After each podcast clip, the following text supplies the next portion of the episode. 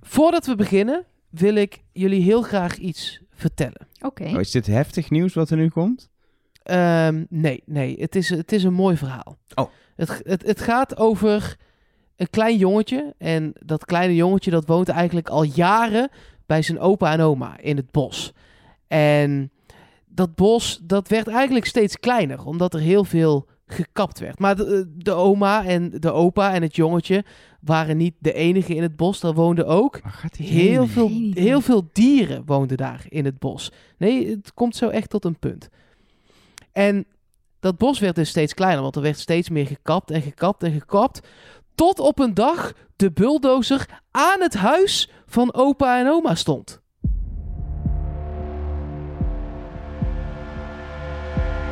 Hey, hallo, stop eens met die leader. Eh, Mark, wat is dit voor verhaal? Waarom... Hallo en welkom bij Trust Nee, Nobody, nee, nee, de podcast over de mol. Mark, wat is dit?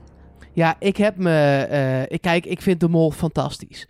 Maar Maar, ja, Deze zeggen, aflevering- er maar. Deze aflevering begon met het verhaal van de Minotaurus. En ik dacht, ja, nu komt het hele verhaal in een paar zinnen uitgelegd.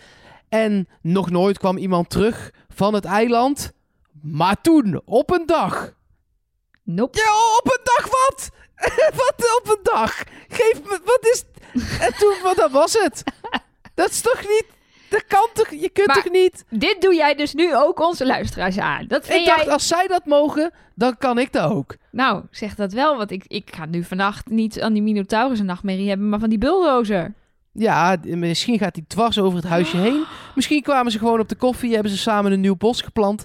Je zult het nooit weten. Ik ben wel heel blij dat je een heel mooi sprookje hebt bedacht, Mark. Wat gaat over een bulldozer in het bos. Tenminste, mooi, het is natuurlijk niet zo mooi. Maar dat je niet een verhaal over een ziekte die wereldwijd uitbrengt bent begonnen. Waarbij mensen in quarantaine moeten en dan na anderhalf week quarantaine het verhaal stopt en we niet weten hoe het af gaat lopen. Ik ben echt blij dat het gewoon iets met een bos maar was. dat, dat zou ik nooit doen, want het moet natuurlijk wel een klein beetje realistisch blijven. Ja, precies. precies. Ja. Zal ik even officieel nog openen? Ja. Met eh, Ja, de doe maar, stichtelijke maar. woorden. Hallo. Ja, maar dan moet de leader even opnieuw, want die heeft Nelleke net dat abrupt waar. gestopt. Nou, dan doen we hem nog een keer.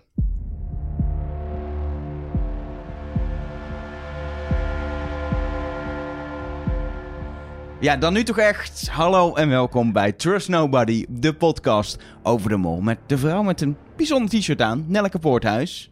Met de one and only Mark Versteden. En Elge van der Wel. Ja, daar zitten we weer een soort van. Ja, het wordt nu gewoon cliché. Ik vrees dat we dit het hele seizoen moeten gaan doen op deze manier. Ja, alle samenscholing is tot 1 juni ja, eh, dan verlengd. zit eh, Wij alles zijn geen- eh, erop hoor. Als wij met z'n drieën in een ruimte zouden gaan zitten, is dat nog niet een samenscholing. Je mag gewoon bezoek thuis ontvangen. Dus een opname van Trust Nobody. in principe, in theorie, zouden we met z'n drieën samen Maar dan kunnen moeten doen. we wel anderhalve meter bij elkaar vandaan blijven. Dat is net te doen. Dan zitten we maar op de bank in de studio en dan moet het lukken. Ja. Het kan net, het kan net. Maar voor nu zitten we nog gewoon thuis, dat is toch veiliger. En het kan. Ja, ik Dus, heb nou, het is namelijk het punt is ook, ik heb klachten. Ik vind het een beetje Oh. saai worden dat thuis zitten. Dus het gaat als je klachten hebt dat je dus niet naar buiten mag, waardoor het nog saaier wordt en ik meer klachten heb. Dus ik vind het heel lastig. Maar wat zijn je klachten? Je hebt klachten? Ja, dat ik thuis zit en dat het saai is. Dat Oh, is je mijn hebt- klacht. Ja, maar die staat niet op het rijtje van het RIVM, hoor. Nee. Oh, wat dan wel? Koorts. Het is niet koorts, hoesten, verkoudheid Oh. en, en verveling. Ik dacht gewoon als je Dat klachten staat- hebt. Ik denk, ik heb altijd klachten. Ik kijk graag naar radar en kassa en zo. Alleen maar klachten. Anyway, zo'n aflevering wordt het, dan weten we dat alvast. Ehm we gaan het hebben over aflevering Mijn 10 t-shirt? eh, van de Mol. Moeten we het nog over mijn t-shirt ja, hebben? dat wou ik net zeggen. Voordat we ermee beginnen, moet het even over een t-shirt hebben. Want je hebt een t-shirt met het logo van de Mol. Mhm. En jouw naam, Nelleke. Dit is hetzelfde wat de kandidaten steeds afwisselend aan hebben. Yes. Ja, die kandidaten hebben een trui aan, maar ik dacht dat het mooi weer zou gaan worden. Ook een t-shirt, hoor. Ook soms een ja, t-shirt. oh, oké. Je hebt weer Ja, beter, ja, ja. beter opgelet dan ik. Maar ehm, ja, dat kan je dus gewoon online bestellen. Superleuk. En Oh, het is je- niet een soort hint dat Nee. jij meedoet aan de Mol volgend seizoen Nee, of zo. ik kreeg natuurlijk ook al de vraag: zit er een hint in wie we dan zien in die t-shirts? Eh, want we zien steeds maar één kandidaat die dan zo'n trui of t-shirt aan heeft. Ehm, misschien iedereen behalve de mol, maar dat lijkt me dan weer te simpel. Maar eh, nee, ja, dat kan je gewoon zelf eh, kopen als je dat wil. Maar dan wil ik er ook heen. Nou, dat heb je ook. Je hebt hem alleen niet aangedaan, sukkel. Nee, dat is waar. Ik denk, ik, Maar dan wil ik er ook ik heen. acteer alsof ik hem niet heb. Ja, Mark, dat is wel een issue. We hebben er ook een voor jou namelijk.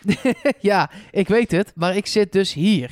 Ja, dan Dus gaan die ga ik ergens eh, half juli ga ik een shirt... we gaan even de, post, eh, de postbode aan het werk houden. Ah, yes. Oh, dat vind ik leuk. En dan, eh, dan kun je hem volgende week eh, kun je hem aan. Dan volgende week donderdag dan verwachten wij jou eh, in, in, die, in dat. Of misschien zondag al tijdens het kijken, als je thuis op de bank zit.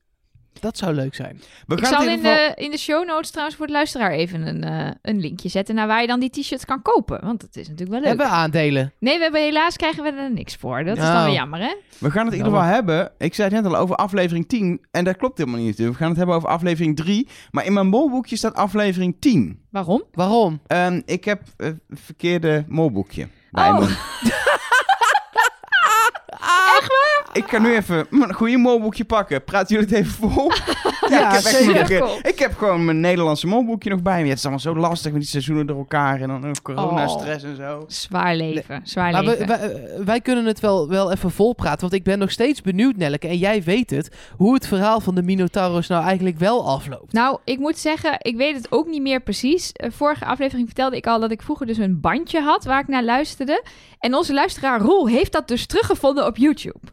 Dus ehm, ook dat zal ik in de show notes zetten. Dan kan iedereen het hele verhaal van de Minotaurus eh, luisteren. Maar volgens mij is het in het kort, wat ik me nog kan herinneren, is dat op een gegeven moment er een, een in plaats van een random eh, jongen die uit het volk wordt ge- gepikt, gaat er een of andere prins naartoe die zichzelf moet bewijzen of zo.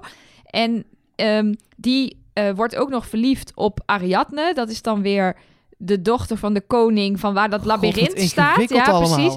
En die spint dus die draden.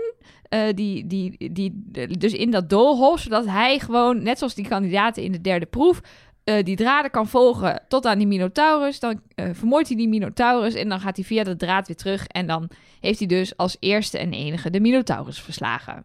Mooi. Elger, Ja? Sta- staat er in jouw boekje nu aflevering 3, dag 5, Ioanawaniani? Nou, inderdaad. eh, dat klopt. Dan heb je het goede boekje Dan nu. heb ik het goede boekje. Ehm, we, gaan het, eh, we gaan het hebben over, eh, over deze derde aflevering. En wat ik wel een beetje gevoel had... Ja, de, ik klink nu ontzettend verwend. Maar ik, ik was klaar en ik dacht... Was dit het nu? We zijn zo verwend met aflevering 1 en 2. Met wat natuurlijk op het einde gebeurde. Überhaupt de opening. eh, en in aflevering 2 die doos. Dat Mhm. nu was het eigenlijk een vrij straightforward aflevering. Wel met lekker veel opdrachten. Hij zat lekker goed gevuld. Maar er gebeurde verder niks waar je niet helemaal dacht... Oh, wat gebeurt er nou? Of wat een twist is. Het was gewoon straightforward opdrachten doen, geld verdienen. eh, maar eh, vooral ook mollen. Uiteindelijk een doodnormale eliminatie. Die ging hem naar huis en, en dat was het. Nou, ik ben het niet helemaal met je eens. Tuurlijk zat er minder spektakel in. Maar ik vind het ook lekker als er af en toe gewoon zo'n reguliere aflevering in zit. Zeker omdat dit de afleveringen zijn zonder al dat spektakel en snelle geëdite beelden. Waarin je heel veel wel kunt zien van wie wat doet.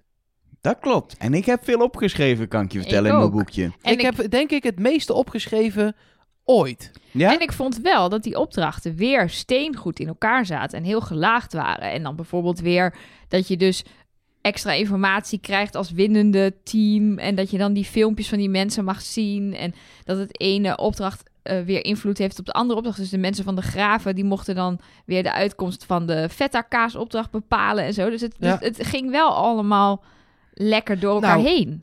Sterker nog, ik zat echt op de bank bij opdracht 1. En ik keek het een dag later, omdat wij eh, op zondagavond online half vasten aan het vieren waren. Eh, een carnavalsfeest. Dus ik keek het pas op maandag. En ik zat zo op de bank en ik dacht: vet, we gaan raften. Ik vind raften vet. Oh, mooi. Het wordt fysiek. Oh, hij gaat nu de opdracht uit. Oh. Dat is wel een saaie opdracht. Oh, ze Ja. gaan gewoon ook echt omkleden. Dit was het. En toen kwam toch, en dat vind ik zo lekker aan de mol, toch die twist van, van die beelden. Waardoor, want ik dacht, ja, deze opdracht is heel makkelijk. Ja, en toen precies. werd die toch niet makkelijk. En dan moeten ze onderweg een opdracht doen. Dan moeten ze die kruik kapot schieten. Maar daar zit dan weer een kruik bij. Waarmee je iemand anders kan naaien. Die dan weer zorgt voor geen geld. Dus er zitten. Elke keer moet je keuzes maken over hoe ga ik dit spel spelen. Hoe pak ik dit aan. En dat maakt het zo interessant. Moet je dus even voorstellen dat je deze opdracht had gehad, die al best wel veel lagen ingewikkeld heeft, waar je heel goed moet doordenken, wat is nou het logische gedrag van een kandidaat en een mol, want er zit zoveel lagen zitten erin. Dat is natuurlijk ook het leuke. Door die extra lagen is het soms moeilijk eruit of het iets een mollenstreek is of kandidaatgedrag om te kunnen winnen, om uiteindelijk te zorgen dat je die filmpjes zien krijgt. Maar extra interessant zou dit zijn als je dit krijgt met de Nederlandse uitleg. Dan krijg je Rick van der Westerlaken, die zegt jullie gaan raften, onderweg is er nog wat te doen en eh, succes. En eh, dan achteraf hoor je wanneer je geld krijgt. Dus doei. En dan vervolgens zie je die kandidaten die springen naar af. Die komen fasen tegen. Snappen er niks van. Opeens moeten de mensen blinddoeken om. Blijkt dat, ze, dat iemand had gewonnen. Maar dat, dat, dat, dat, er, dat ze tien seconden door elkaar hadden, ah, van elkaar hadden moeten zitten. En dan, weet je, dat, ik zag het helemaal voor me. Maar dat is allemaal niet. Het is de Vlaamse mol wisten precies wat er moest gebeuren. Ze moesten dus vlak na elkaar eh, binnenkomen. Dat is ook gelukt. En daarmee is er een, een net bedrag verdiend. Het had 4000 euro kunnen zijn. Maar vooral door eh, eigenlijk die eerste opdracht onderweg. Met die fase is dat niet helemaal gelukt. Bart. Jij gaat wel snel. Ja, nou, maar ja, gaat, ja, ja, jij je gaat, gaat heel echt snel. aan van alles voorbij hier. Oh, oh, zo. Nou, ik dacht, ik ga gewoon volle patrol. Ga ik gewoon door die opdracht heen. Gewoon volle patrol. Volle patrol, jongens. ja, volle patrol, jongens. Kom op. Maar ja, jullie maar we wil- moeten het wel echt... Nee, we moeten het eerst even hebben over eh, de groepen die gemaakt werden en hoe die dan gemaakt werden. Want er zijn een aantal mensen die zich daar heel erg druk om maken. Eh, Selim en ook Laure en Alina zien we zich daar in ieder geval mee bemoeien. Kijk, je weet natuurlijk nooit zeker wat daar omheen allemaal is gebeurd. Maar uiteindelijk maken ze voor mijn gevoel, als het doel is op tijd binnenkomen, best wel redelijk oké groepen. Ja, dat komt onder andere omdat ze best wel slim splitsen. Ze halen eh, Selim en Bart uit elkaar. Als een beetje, nou, Bart hebben we ook gezien dat hij echt wel kan, eh, kan roeien. Eh, Selim heeft natuurlijk verzokken armen. Ehm, en ze halen Laure en Jolien uit elkaar, Ja. die allebei in ieder geval wel met hardlopen. Ze ook echt sportief zijn. Waardoor Ja. je inderdaad de verdeling heel goed doet. En dan haal je vervolgens haal je, bijvoorbeeld Doreen en Els weer uit elkaar. Als toch de iets minder fysiek sterke. Ja, dat, dat, hebben ze, dat zag je ze ook letterlijk doen. En het viel mij weer op dat, net als vorige keer, Lara weer best wel Ja, aanwezig was, leidend was, leek eh, het de in ieder laatste geval. keer deze aflevering. Dat doet ze Nee, maar het probleem wel met het feit dat zij hier nu de leiding inneemt, is dat het dus goede groepen zijn. Ja. Ja. Eigenlijk wil je als mol zijnde, wil je misschien wel ehm, Bart, Selim, Jolien en Lore zelf in een boot hebben. Of misschien Alina daar nog bij. Ja, maar Ja. gaat je dat lukken? Gaat, je, gaat het je als mol lukken om Nou- tegen de groep in een rare verdeling te maken? Ik, ik, ik hoor iemand zeggen, en ik ben nog steeds niet helemaal met die stemmen op de hoogte. Ik hoor iemand zeggen, ja, dan moeten de langzaamste maar in de voorste boot. Dat is wel degelijk geopperd. Volgens mij bedoelden ze vooraan in de boot. Ja, Ja, maar dat dacht ik ook inderdaad. Dat dat Oh, was. want ik begreep dat als alle langzame moeten in de voorste boot, zodat de snelle boot die daarachter vaart zeker bij kan blijven. Oh ja, dat Ja. daar op zich maar- een soort van theorie kunnen zijn die dan natuurlijk mislukt, omdat, omdat ze uiteindelijk wilde, Omdat wilde die snelle boot gewoon zo- winnen. Ja. Ja, Ja, kijk, maar wat hier natuurlijk ook meespeelt, is dat je natuurlijk ehm, ook voor de winst kan gaan. Ehm, onder, niet onder de noemer ik ben de mol, maar onder de noemer ik wil gewoon die eh, vraag, ik wil die extra informatie hebben. En dat geeft dit natuurlijk die interessante dubbele laag. Want als je kandidaat bent, dan kan je ook denken, ja, fuck het met je 10 seconden. Ik ga alles op alles zetten om eerder binnen te komen. En als we dan dat geld pakken, leuk meegenomen. Ehm, maar zo niet, eh, ik ga voor de info. Ik denk dat bijvoorbeeld iemand als Bart, die al vaker heeft uitgesproken dat hij het ook voor artispunten zou doen, eh, echt voor die informatie is gegaan. En zeker. Zeker. niet voor het geld. Dat zag je ook bij, en nu een mooi bruggetje naar jouw punt, bij de kruiken. Ja, de kruiken. Want eh, daar kwamen eh, Bart en Christian als eerste aan. Eh, Christian blijkt echt... Ja, misschien heeft het toch te maken met letterlijk zijn fysiek... maar niet echt te kunnen katapult schieten. Dus, oh, ik kan dus- dat ook niet. Het is nee. echt moeilijk. Ik kan het ook niet hoor, maar het was gewoon... Ik denk, ik, ik geef gewoon Christian de schuld. Lekker makkelijk. lekker, lekker makkelijk. Lekker makkelijk. Eh, maar Bart eh, bleek het wel te kunnen, na twee keer oefenen. En goed ook, want hij bleek ook nog te kunnen mikken. Terwijl hij dan zei, oh, ik mik er dan naast en dan komt hij op een andere. Dus ik mik vanaf nu dan op diegene met, eh, met het eh, raftnadeel. Mooi woord. Mooi woord. Moet je even op Gilles de Kostes moet je het uitspreken, het rafnadeel. Ehm, en toen mikte hij inderdaad op het rafnadeel en vol in het rafnadeel. En daardoor, en dat is natuurlijk wel heel verdacht, is er maar 100 euro binnengekomen. Of tenminste, niet eens binnengekomen, is er 100 euro ja, klaargezet voor als deze opdracht zou slagen. Maar wat mij ja opviel... spoiler, dat is gelukt. Dat, maar dat was vorige aflevering, Mark Versteden. Oh, oké. Maar ehm, het rare is ook dat iedereen daar eh, voor dat nadeel ging. Zowel eh, Christian als Bart, zodra de andere groep kwam, zei Christian meteen: ga direct voor het nadeel. En ook eh, eh, Selim komt daar aan, eh, aan wal met. wie heeft hij bij zich? Els, toch? Ja. ja Els. Zeker. En die zeggen ook meteen: Oh, we gaan voor het nadeel. En dan gaan ze volgens tegen elkaar keihard liegen. Maar iedereen had daar zoiets van: eh, niks, geen geld. Eh, we moeten elkaar benadelen. Dus het stond meteen op scherp. Ja, het, het, iedereen speelde deze opdracht volgens mij in eerste instantie in ieder geval echt wel om gewoon die filmpjes te zien. Dat is ze meer waard dan 4000 euro in de pot. Dat is wel gewoon overduidelijk. Nou ja, en wat ik me ook nog zat te bedenken. ehm, Bart neemt heel erg het initiatief om bij deze opdracht uit de boot te stappen. En eigenlijk weten ze, behalve de mol waarschijnlijk, nog niet wat ze moeten doen. Behalve dat het gaat om precisie.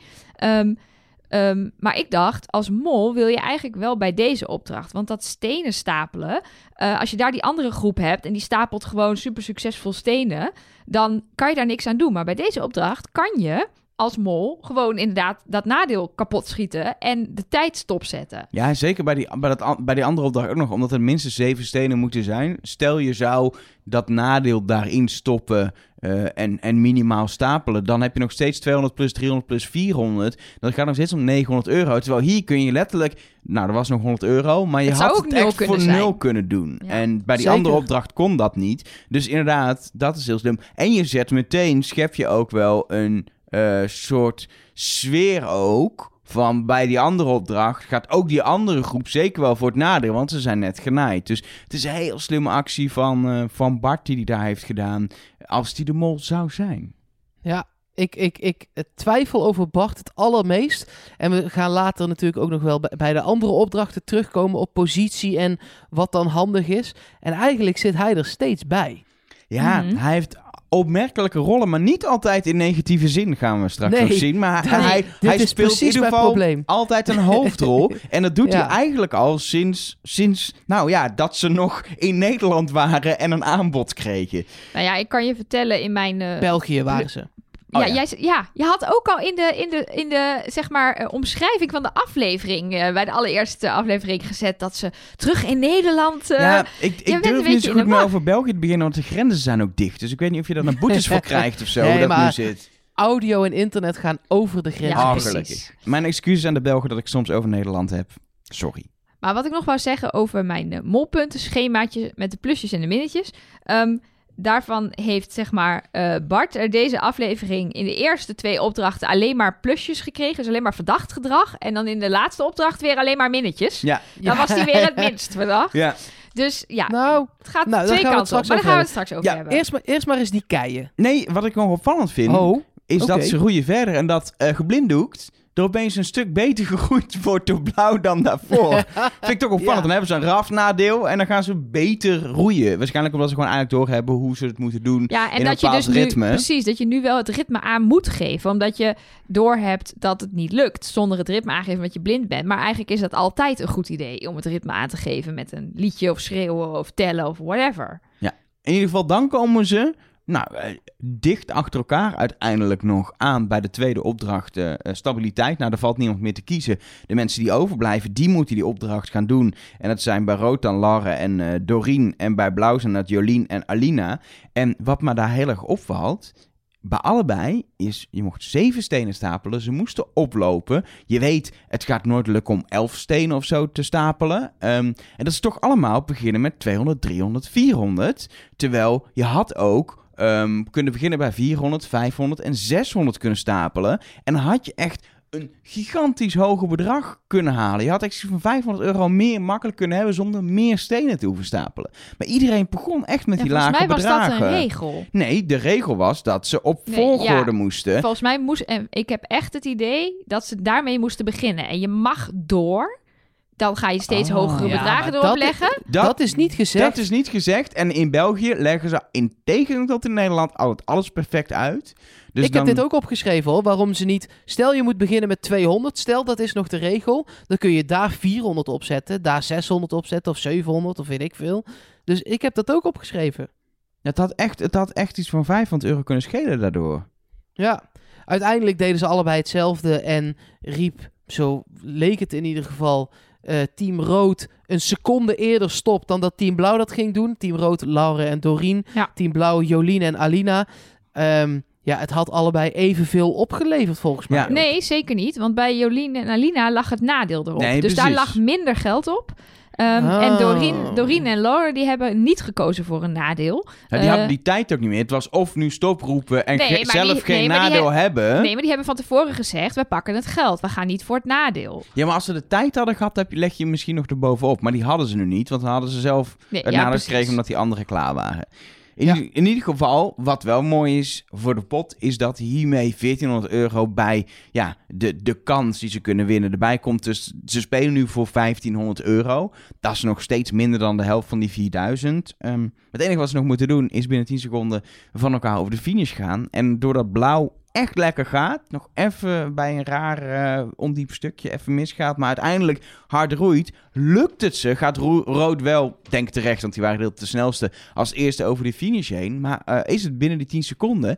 En ik denk wel dat de mol echt ontzettend hard gebaald heeft, maar dat het ook aangeeft dat de mol dus niet in de blauwe boot zat. Hmm. Of zeg ik dan eh, een conclusie die jullie denken, nou die is wel erg hard. Ja, ik, ja, ik vind Ik, het... eh, ik weet het niet. Ik weet het niet. Als ik kijk naar mijn molverdachte op dit moment, Doreen tot nu toe, die zat inderdaad in de rode boot. Maar ik heb ook wel iemand anders die me heel erg opvalt, waar we zeker nog op terug gaan komen. En die zat in de blauwe boot. Dus ik weet het zelf dat ook heb niet ik ook. Ja, Maar ehm, Ik, ik, ik denk dat je op een gegeven moment, ehm, als drie van de vier mensen in een boot zo erg hun best aan het doen zijn, dan moet je. Dan Ja. kun je nog wel een keer een halve slag overslaan. Eh, of een keer heel hard zelf extra kracht zetten, zodat die boot nog misschien een keer draait. En dat deed de blauwe boot wel degelijk. Ehm, maar als drie van de vier mensen echt gas aan het geven is en inmiddels doorhebben hoe je moet roeien, dan denk ik dat je gewoon pech hebt als mol. ja. Eh, en dat hebben we vaker gezien, hè? ook met de, de doos van Pandora. Ehm, eh, dat was eigenlijk hetzelfde verhaal. Nou ja, en in Nederland hebben we natuurlijk een reftopdracht gehad met Jan Versteeg. ehm, die achteraf bleek eh, eh, zijn pedal gewoon dwars in het water zetten om, eh, om het mis te laten gaan. En uit de boot is gesprongen op een gegeven moment. Die nam echt elk risico wat je kan nemen in zo'n opdracht. Maar daarbij was wel het verschil dat dit helemaal aan het einde was van het hele, hele gebeuren. Ehm, en dat ze met z'n allen in één boot zaten. En hij zat helemaal achterop, dus hij kon lekker mollen. Is trouwens ook nog wel interessant. Wie zat er achterop? Want mollen als je voorop zit, is natuurlijk een stuk lastiger dan mollen wanneer je achterop Oeh, daar heb ik dus niet op gelet. Wie waar Ik in wel. de boot zat. Dat heb ik opgeschreven. Vertel, Eh, Mark. Omdat ik echt op positie heb gelet deze keer. Eh, achter in de boot zaten eh, Alina, Christian, Els en Doreen. Nou. Els, Els is de mol, denk ik. Ja, dat er, denk waren, ik ook. er waren na vorige aflevering volgens mij best wel mensen die Els verdachten. En die Zeker. toch even gechoqueerd waren aan het einde van deze aflevering. In ieder geval zullen we de afrekening even doen. 1500 Ja. euro erbij, komen we op 3800. Dat is bijna een verdubbeling van de pot. En dat heeft natuurlijk mee te maken dat ze... Ze hebben in totaal op dit moment echt al iets van eh 15.000 euro verdiend. Maar ja, ze begonnen met een kleine achterstand aan het eh, begin. Ja. Ja, en dan eh, mag een deel van de kandidaten alvast eh, omkleden, douchen en eh, beginnen aan, eh, aan, aan een soort lunch of zo. En een deel eh, krijgt leuke dingen te doen. vind je dat leuker, ja? Ja, Oké. ja toch leuk man, beelden kijken. Nee, je wilt toch graven? Nee, we hebben het over wat, de winnaars kregen. Beelden kijken. Fragmenten Oh, kijken. Ik denk, feta-beelden. Waarom, Nee, waarom heeft hij het nou over die nee, feta-beelden? Nee, die komen joh. straks. En dan Ja, gaan... ik vond je al snel gaan weer. Ja, dit is volle patrol, Volle dacht patrol. Mark. Ja, het is- Ja, nee, die, beeld, prima. die beelden. en Die, de Minotaurus. En dat was het voor vandaag. nee, ja, die beelden, die beelden ik, heb, ik heb ze denk, nou, denk wel drie, vier keer zitten kijken. Maar zullen we ze Zal dan ik jullie laten zien op beeld noemen? wat ik daarop eh, heb opgeschreven? beelden niks uitgehaald? Dat kan ik niet. Nee, Echt? Hoezo kan je dat niet? ik heb geen gevoel voor acteren. Als je, als je tegen mij zegt, god wat ben je aardig, denk ik, nou dat zal ze vast menen. Maar is dat Ik- echt? Ja, ik heb geen idee joh. Als die, of iemand waar? nou... Oh, Meen je dat? Echt waar? Echt waar? Echt? Meen je dat? Echt? Ja, Is het heus? Echt? Is het heus? Is het echt waar? Maar iedereen Nee, je maakt geen ieder- grapje, toch? Nee, maar Elge, iedereen deed toch Nee, dat? ja, maar nee. Want- Maar dat heb ik dus even geanalyseerd. Ik Let heb op. de vraagtekenlijst gemaakt. Wie stelde de vragen en wie deden dat niet. Ik heb gecheckt per persoon Ja. of ze vragen of het waar is Ja. en of ze aan hun gezicht zitten. Oh, dat gezicht heb ik niet. Maar ik heb de, de, Hmm. de vragencheck heb ik gedaan. Nou, Nou. er is één iemand in nog steeds in ongeloof volgens maar mij wat maakt het tijdens uit de reis. of je iets vraagt? Of komen we daar zo op? Ja, Ja, dat kijk- weet ik niet. Kijk, mijn theorie is, ehm, iedereen reageert natuurlijk anders en op zijn eigen manier. De een is wat uitbundiger, de ander is wat onderkoelder. Maar als jij naar filmpjes kijkt van acht mensen, waarvan er één geacteerd is, en er zit een overeenkomstige factor in al die filmpjes, dan kun je dus een soort van stellen dat bijvoorbeeld dus het vragen stellen van meen je dit, dat dat een soort standaardreactie is. Je zit in De Mol, dat is een programma dat je de hele tijd mindfucks geeft. Dus is je eerste reactie is waarschijnlijk Nee, maar oké, ik moet nog niet te blij zijn. Ik moet eerst heel even checken. Ik zie nu Gilles voor het eerst. Is dit, is dit echt waar? Ehm, dus van ja, maar de, de mol is toch als laatst gegaan. En als, als, als de mol dan van Gilles te horen krijgt... hey, zeven mensen hebben vragen gesteld, dat moet jij ook doen. ja, ja, precies. Daar kan natuurlijk zeker gebriefd zijn over eh, zo... eh, misschien heeft de mol wel eerst al die filmpjes gezien van die mensen... en toen gewoon precies hetzelfde gedaan. Maar ja, je moet ergens beginnen met analyseren. Oké, sorry, doe je ding. Doe je ding. Maar wat had jij gezien met vragen stellen, Elger? Nou, dat Kijken ik of het overeenkomt. Christian als enige geen eh, eh, vraag stelt of het klopt. En dat Selim volgens mij op dit moment in aflevering 3 nog steeds niet gelooft. Dat hij nog steeds iedere keer bij Gilles, als hij Gilles zit, toch even checkt of het echt waar is dat hij mee mocht. Want volgens mij gelooft eh, Selim het nog steeds niet. Ook Bart die moet het echt wel drie keer vragen. Ja. Nee, en inderdaad, Christian... eh, of Chris- Christian? Christian. En we kregen ook alweer commentaar over natuurlijk hoe we dit uitspreken, want eh wij kunnen gewoon niks uitspreken blijkbaar. Ehm, maar hoe zeg je dat op zijn Frans? Christian? Christian. Christian. Ik ben gewoon zo'n boeren-Hollander. Ik kan dat helemaal niet, Frans. Ik kan Christian. Christian. Wat deed Christian? Ja. Ik kan ook geen, zeg maar, je hebt, je hebt zeg maar zo'n soort pudding, weet je wel? Ja, ik kan dat dus niet uitspreken. Het is een soort met een B. Een, een, een Frans woord voor pudding. Bavarois. Ja. Of het Franse woord voor stoel met een F. Maar ah, voor Brabanders is Bavarois heel makkelijk. Ik zeg gewoon Baffer en dan wat? Baffel. Bavarois. Of Bavarois. fou- fou- Ja, fauteuil. voor Mark en- Fauteuil. Fauteuil. Fauteuil. Fauteuil. Nou ja, goed. Eh, ik ga nog wel een keer op, ik ga nog wel een keer op Paraplu. cursus. Baguette. Fromage. Je m'appelle Elge van der Wel. Dat rijmt ook nog eens. Ja, mijn Frans is top. Ik heb er nooit eindexamen in gedaan, maar toch.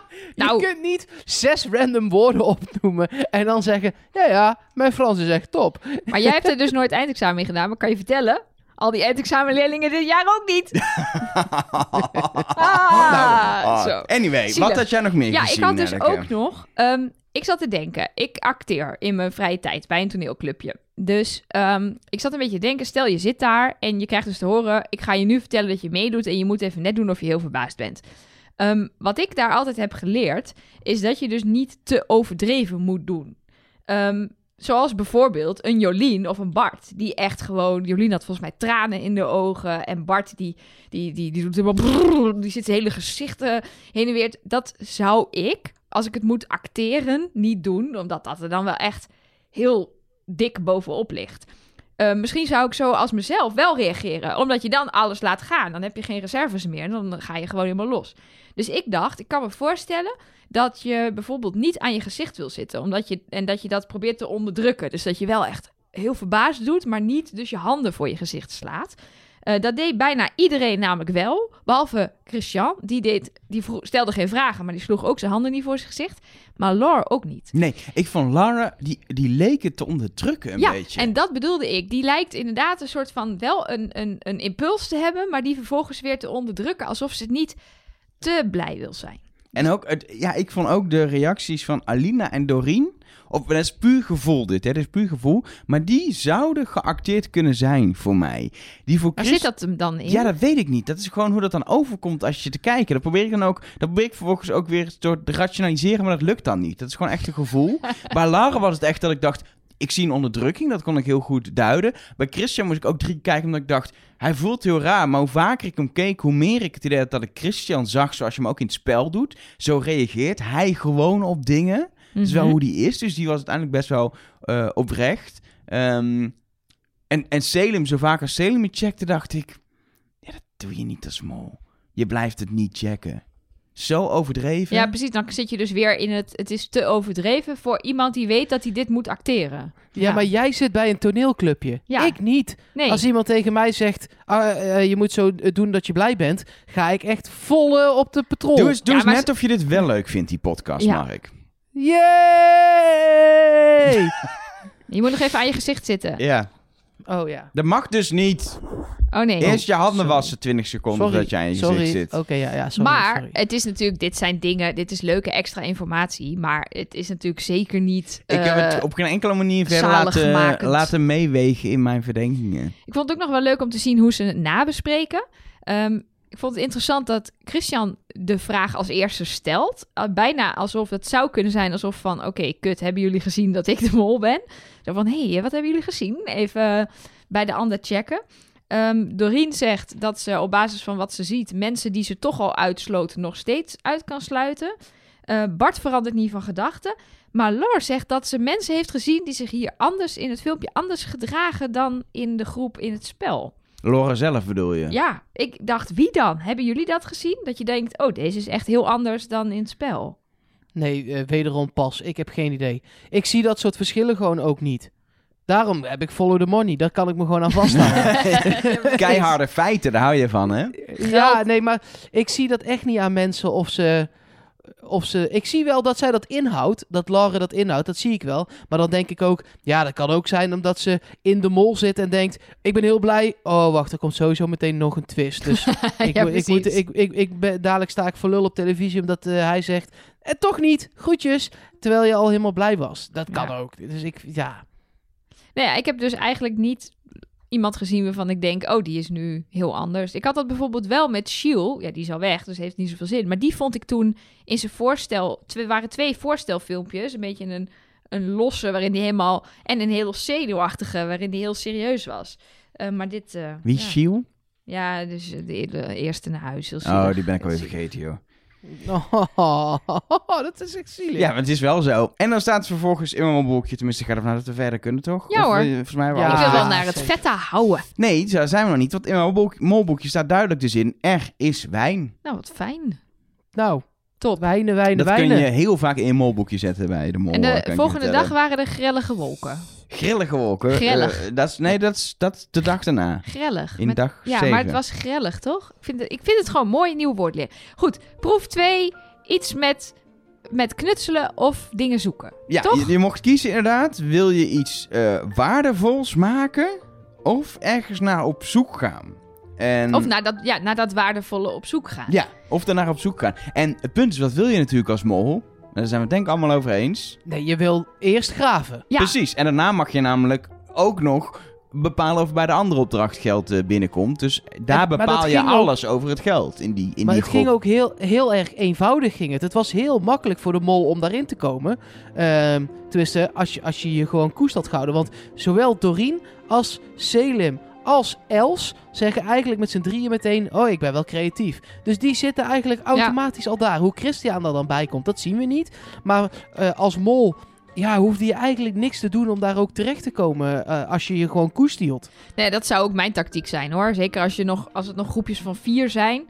Dat je gewoon het eerst even uit laat spelen. En dan, nou ja, en dan handiger infietst. Nadat dit namelijk is gebeurd, zeggen zowel Bart als Lor allebei. Ja, ik ben niet zo eh, creatief en niet zo handig. Dus die fietsen zichzelf dan heel makkelijk bij de gravers. Hoe Alina en Jolien bij de gravers terechtkomen, dat weten we ook Ja, was het Lar? Ik had het idee dat het Alina was. Nee. Maar ik kwam daar niet uit omdat ik weer iemand hoorde praten Nee, buiten was beeld. Lor. Was het echt Lar? Want Ja. ik heb het twee keer teruggekeken en toen was mijn Ja, conclusie dacht- dat het Alina was. En ik dacht, Jolien... Maar dit, ik heb echt, ik heb echt idee dat dit een probleem is, ook omdat het niet onze moedertaal is, dat het moeilijker is Ja, om, om die zeker. stem uit elkaar te houden, die accenten. Ehm, in ieder geval, ik ga met Nelke mee, want Nelke weet altijd alles. Eh, eh, Bart en Laura hebben zich sowieso in die, die groep weten te drukken. Zeker Bart met zijn twee linkerhanden zo eh, aangevend dat hij echt niet iets creatiefs kon doen. Maar wel Zullen we maar met het, met het graven beginnen ook? Ja. Ja, en dan moeten we het denk ik eerst als eerste even hebben over die vraagtekens.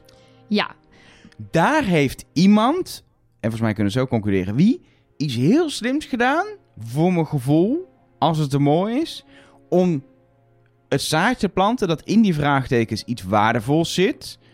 een, een, een pasvraag of iets in die richting. Er zijn er maar drie, waardoor het beter is om daar nog niet aan te beginnen. Want het zou oneerlijk zijn of daar moeten we even over nadenken. Terwijl er natuurlijk hulpmiddelen zaten die ze heel hard eh, nodig hadden. De vraag is, wie? wie Ja. heeft dat gedaan? In mijn boekje staat, Jolien begint over pasvragen. Ja. Zeker. Ja. Nou, En dat vind ik echt, daar zijn bij mij echt drie plusjes. Nou, niet letterlijk, maar dat was bijna drie plusjes wat daar gebeurde in mijn boekje. Maar aan de andere kant, Laura gaat weer keihard eh, beslissen. Nee, we gaan niet voor de vraagtekens. Die laten we nu eh, voor wat het is.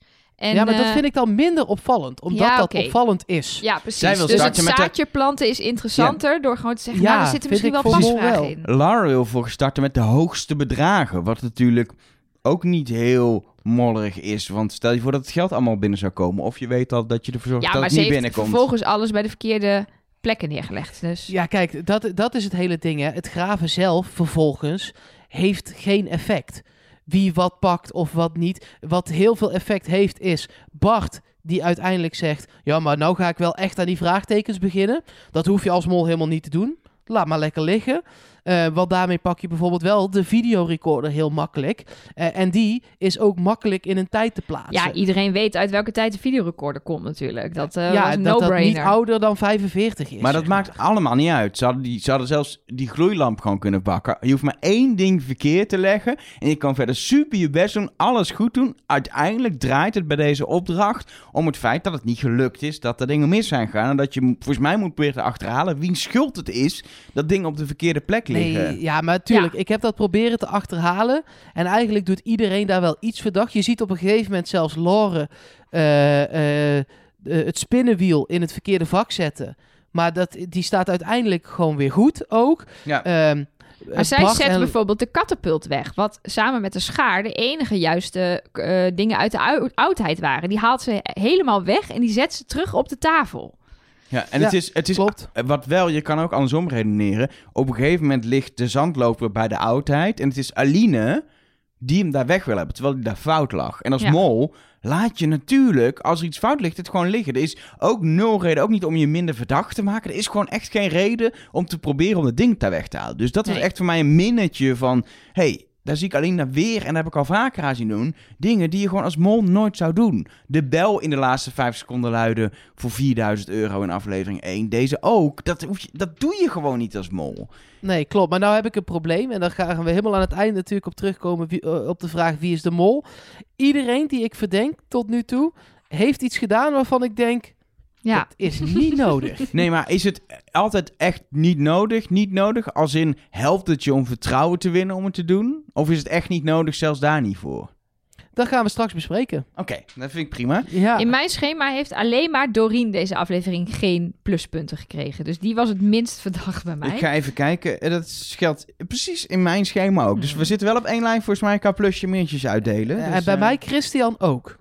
Nee, Christian heeft bij wel, mij... bij mij wel. Ja, bij mij, toch, bij mij heeft Christian toch een plusje gekregen. Omdat hij eh, volgens mij gewoon eh, eh, samen met Bart, ook al heeft hij niet zelf gedaan, heeft gezorgd dat er echt maar 100 euro werd gedaan. Hij heeft Bart ook niet ontmoedigd om eerst op geld te schieten of zo. Eh, de- Ja, dat is het lastige aan dit systeem. Voor welke actie geef je wel een plusje, Ja. welke Ja, niet. maar goed, het gaat om... Het, Maar het- hij, zei- hij zei in de, in de boot, zei hij wel... eh, Oké, wij moeten nu heel even wachten op blauw. Ehm, hij gaf alles goed door. Bij eh, de tweede opdracht heeft hij bedacht... Daar gaan we nu naartoe, naar de feta kaas. Oké, maar dan moeten we iedereen niet realistisch doen. We moeten iedereen karikaturen. Dat was zijn idee. Eh, dus eh, ja, hij en Doreen waren deze aflevering gewoon echt goed bezig. Ja, mee eens. Maar is er dan nog iets te zeggen over die graafopdracht? Kijk, de bril lag ook fout, maar het, het, het is mij echt niet duidelijk wanneer die daar terecht is Oh, gekomen nee, en door wie. nee. nee. Nee, dat zei ik net. Ik heb, dat niet, ik heb het drie keer teruggespoeld. Het is gewoon niet echt in beeld. het is ook niet duidelijk wie de champagne goed heeft gelegd, volgens mij. Alleen dat hij is gepakt en dat hij goed lag. Maar Ja. wie het was... En je hoort allemaal mensen ja, dat wel nieuwe roept tijd. Bart. Ja, Bart roept eh, veel ehm, en de helft is fout en de andere helft is Ja. goed. Dat hij, zei, Ja. hij zei daar bijvoorbeeld dat, het niet, eh, dat champagne niet in de, in de eigen tijd, in de moderne tijd is. Ja, En en dat ook het iets ouder is. over de schaar, dat dat helemaal niet zo oud was, terwijl de schaar dus juist uit de oudheid was. Ja. Ja, en ze zeggen de hele tijd: Jolien, Jolien, ik weet het niet. Jij moet het weten, want jij hebt zeven jaar geleden voor docent geschiedenis gestudeerd. arme, arme kind. Ja, Daar leer je nou echt... kregen we daar nog wel een berichtje over binnen. Ehm, via onze hotline. Ik pak dat er even alvast bij. Straks komen er veel meer berichtjes hoor. Ehm, maar dit was wel interessant hierover. Ehm, dit komt van Groetjes uit Verwegistan. Nou, goeie op, naam. eh, op Instagram. Ehm, die zegt, ik heb net de mol gezien en ik heb zelf geschiedenis gestudeerd. En geschiedenis is echt iets heel anders dan archeologie. Dat richt zich specifiek op geschreven bronnen en niet op voorwerpen. Ik had van geen één van die voorwerpen geweten uit welke tijd ze kwamen. Dus dat is niet zo verdacht. Ah, kijk. Nou, Nee, ik wou net zeggen, is- je leert bij geschiedenis niet uit welke tijd een schaar komt, toch? Nee, ja, dat lijkt mij ook ingewikkeld. Het wiel, En- dat leer je misschien nog net, maar dan houdt het op hoor. Ja, maar ook, ehm, ik heb ook iets gestudeerd, eh, heel, nog meer dan zeven jaar geleden. En daar weet ik echt niet allemaal meer. En Jolien is op dit moment, doet ze volgens mij social media bij een bank. Ja, daar heb je ook niet heel veel aan dat je dan weet uit welke tijd champagne komt. Jij weet echt nog wel wat parasociale interactie is in elke poorthuis. Ja, dat weet, dat weet ik dan daar hebben heel wel. veel luisteraars van deze podcast namelijk last van. Arme luisteraars. Hoef je, Para- niet, hoef je niet voor naar de dokter hoor, jongens. Dat is helemaal niet erg. Parasociale interactie. Zullen we gaan eh feta houden? Zoek maar op op Google. Oh ja, ja nou, ik maak eerst even de podcast af, hè? Ja. Dan zoek ik het straks. Ik heb eh, de hele tijd zo om en om meegeschreven. Dus eerst ging een stukje graven en dan weer hoofdstukje beeld eh feta houden. En daar heb ik opgeschreven. En er staat Vet te houden. Vette houden. En er staat bij mij niks bijzonders. En graven. En dan heb ik dan weer vijf dingen opgeschreven. En dan ga ik weer naar vette houden. En dan staat er goede tactiek. En dan is weer een bladzijde graven. En dan heb ik bij vette houden opgeschreven wie iedereen goed heeft geraden. Van de andere groep. Ja, wat, Dus- Ja, klopt. één, één ding bij de beeldhouwers is natuurlijk wie er op het idee komen om heel erg die karikaturen te gaan doen. En dat wordt vooral aangemoedigd door eh Doreen en Christian. Ja. Zij bedenken dat een beetje, moedigen het aan om die eigenschap te doen. Iedereen doet vervolgens vrolijk mee, inclusief bij Selim checken of hij het goed vindt dat zijn grote neus eh, in, Oh. Ja. in kaas wordt uitgehouden. Ja. En hij, vond, hij heeft het zelf uiteindelijk gedaan. En eh, niet onverdienstelijk. Nee, ja, maar dat wat bedoelde ik inderdaad met die goede tactiek. Ja, dat lijkt me het enige juiste. Je kan wel gaan proberen om heel levensecht mensen na te gaan maken. Maar je kan net zo goed BB-8 kleien. En dan weet iedereen dat het Doreen is. Ja. Ja. BB-8. Wat- Ja, ja een bolletje. Een bolletje. Ja. Ja, ik vond het nog wel leuk toen ze aan het kleien waren. Maar die beelden van die, van die, eh, van die bouwsels, zoals ik ze maar noem... op het moment dat zeg maar, de kandidaten binnenkomen... waarmee ze een beetje blauw-groenig al zijn geworden... toen vond ik het echt een beetje smerig. Ik had het idee dat ik, het- dat ik het begon te ruiken, terwijl het natuurlijk Ja. niet kan. Ik was zo blij dat we geen reuk-tv hadden. Want ik heb wel eens... Ik eet graag feta, maar ik, jij niet, Elger. Dus dan heb ik vaak zo'n blok feta en daar eet ik dan een beetje van. En dan laat ik de rest laat ik dan wel in de koelkast liggen. Maar dan na een tijdje, dan komt daar zo'n... Ugh, zo'n gadverdamme vieze lucht af. Nou, dat moet niet anders zijn ik, geweest ik daar. weet wel wat we, als we weer een bijeenkomst zouden mogen organiseren in Nederland... ehm, wat we kunnen gaan doen met, eh, met onze patrons. Dat we dan houden? kopen en dan Oh, gaan nee, we... nee, nee, nee, vet nee, Dat is echt goor, Elger. Echt ranzig. Oké, Oh, snel nee. door. Ik word hier helemaal Nee. onpasselijk van. Ja, ik ook. Ik vond het een leuk idee. Uiteindelijk komen natuurlijk de gravers erbij en die moeten gaan raden. En dat gaat eigenlijk heel erg goed. Ehm, want ik heb ook nog heel erg specifiek opgeschreven wie wie goed raadt. Ehm, en Jolien heeft er twee goed, eh, Bart heeft er twee goed, Alina heeft er twee goed en Laura heeft er één goed. Maar uiteindelijk hebben ze samen dus allemaal iedereen goed. Maar wat daarbij opvalt is, Bart heeft Christian en Doreen goed. Nou, die had iedereen geweten. Dus dat Mhm. zijn wel de makkelijke. Oké, ja. Ehm, En wat me ook nog opvalt is wie wie verbetert. Want dat zou je als mol ook niet zo snel doen. En Jolien, die verbetert eh, het beeld van Laure. Ja, want, klopt. ehm, en Laure verbetert Selim. Dus Maar stel dat je als mol bij die gravers zit en dat is mislukt. Zou je dan ook kunnen denken, nou, ik ga hier, Hmm, dit laat ik even nee. op zijn beloop? nee, zeker niet als je ochtends al met de rafts tegelijk over de finish bent gekomen. Het is wel een keer mooi, hè? Maar ik denk wel dat, je, eh, dat, dat, je, dat het dit lastig te mollen was. Want ze gingen zeer voortvarend. Er was vrij weinig discussie. Ehm, Ja, maar je gaat in ieder geval niemand verbeteren. nee, precies. Nee, daar ben ik met je eens. Maakt het allemaal niet makkelijker, hè? Die zoektocht naar de Nee. mol, acties van mensen. Nee, zat gewoon weer zeker 2000 euro in de pot. eh. Ja. Een pot staat nu op 5800 euro en dat is tijd voor een feestje. Ze gaan even stappen, ze worden dronken en gaan dan volgens voor de camera praten over een biertje wat is weggehaald. Ja. Vind ik altijd vind ik- ja, met Bart. ik vind het Oh. altijd gewoon leuk, gewoon om die mensen nog wat beter leren kennen. Ehm, maar dan gaat ook even mijn mol-radertje gaat even uit. En bij het terugkijken sla ik het zelfs gewoon over. Maar voor gewoon de eerste kijksessie waarin je gewoon wat ontspannen kijkt, vind ik dat dat heerlijke scènes. Ja, heerlijk. Echt heel leuk. Ehm, proef 3, daar draait deze aflevering natuurlijk om. Dat is de, de proef met, de- met de Minotaurus. Een proef met echt een flink geldbedrag te winnen. 6000 euro in coupures van 1000 euro. Wat ook wel bedragen zijn dat je niet denkt als mol... Nou, ik ga even 1000 euro ophalen voor de vorm. Het is wel echt 1000 euro. Ehm, uiteindelijk, eh, nou, spoiler, eh, wordt er maar 1000 euro opgehaald. Want het is een chaos. Ja, Zeker. wat? Kijk, laten Een- we bij het begin beginnen. Ja. Laten we bij het begin beginnen, want de groepen moeten weer gemaakt. En dat is interessant, want daar kun je eigenlijk twee mensen afstrepen... waarvan er één het programma inmiddels heeft verlaten. Ja. Ehm, want bij deze opdracht wil je als mol absoluut niet in de piep zitten. Nee, dan Ja. heb je gewoon... Dan zit je, sowieso wil je... Niemand wil dat, denk ik. Tenminste, het leek mij echt de meest sufste plek waar je kon zijn. Maar ja. Sowieso de piep, maar nu al helemaal. Kijk, en als je daar nou nog in je eentje had gestaan, dan had je allerlei verkeerde informatie kunnen geven. Maar nu word je door, als Doreen al de mol zou zijn, door Els op je vingers gekeken. Dus ja, om daar dan allerlei verschillende foute informatie over die fabeldieren te gaan geven. en dat Els helemaal niet. was, eh, nee, maar en Els zou je nog eh, van kunnen zeggen: oké, nou, Selim zet haar daar eigenlijk neer. Mhm. Maar Doreen kiest er echt zelf voor. Precies, die offert zichzelf Ja. op als ware. Ik heb daarover nagedacht. Ik, ik, ik verdenk eh Doreen natuurlijk een beetje. En toen dacht ik, en dat is ook een beetje om dan... Moet ik er nu echt kaart afstrepen of is er nog een soort verklaring te bedenken? Zit je nu al in een soort nee, tunnel? nee, met spuur, dat vind ik wel belangrijk om wel over na te denken. En toen dacht ik, er is eigenlijk één verklaring, maar die vind ik zelf ook niet goed. Maar dat is dat ze dacht, ik ga nooit gekozen worden binnen de groep en de rol die ik daar heb als niet Ik ga gewoon niet meedoen. Dan kan ik beter mezelf minder verdacht maken voor de rest. Door meteen ook toe te geven, ik doe niet mee, want je weet dat het de uitkomst ging zijn.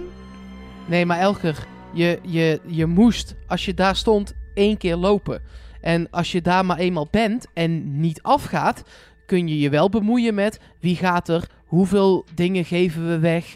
Ehm, kun je eens een keer iets door die, Ja, maar- door die portofoon schreeuwen. Elge, jij bedoelt dat ze al van tevoren weet dat ze het onderspit gaat delven. Ze bij weet, het, ze het weet hierbij van de dat ze nooit gekozen, dat, ze, dat Ja, zij de anderen dat anders zou ik dan- weggezet worden. Daar zou ik dan toch even mee wachten, want ze Ja, was ik zou echt dat- snel. Ik zou Dat zou ik risico dan nemen. En dan als je uiteindelijk toch in die biep gezet wordt, dan, dan, Dan is dat dan maar is dat, zo. Ja, precies. Dat Ja. is ook zo. Ik heb ook na deze Ja. aflevering Doreen best wel heel erg een beetje heel erg Het zijn afgeschreven. ook tot nu toe Verstandig. te veel fysieke opdrachten. Kijk, Doreen is gewoon niet de fitste. En dat geeft helemaal niks. Alleen, dat is onhandig om de mol te zijn in een seizoen waar tot nu toe...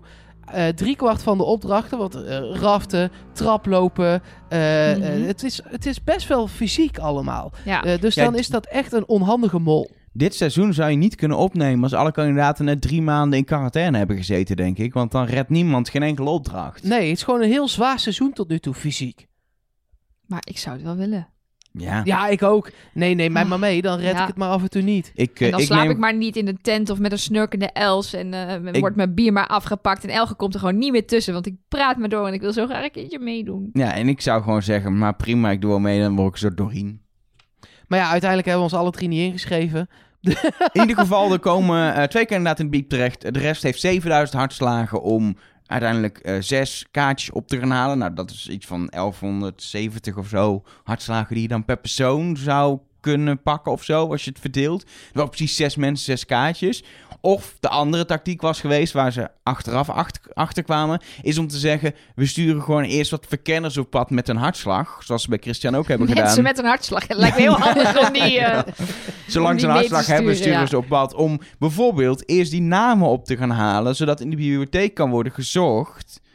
En je vervolgens echt die hartslagen die, er, die je over hebt, dat is alles min vijf of zes dan, eh, dat je daarmee volgens in één keer de juiste kaartjes kan gaan pakken.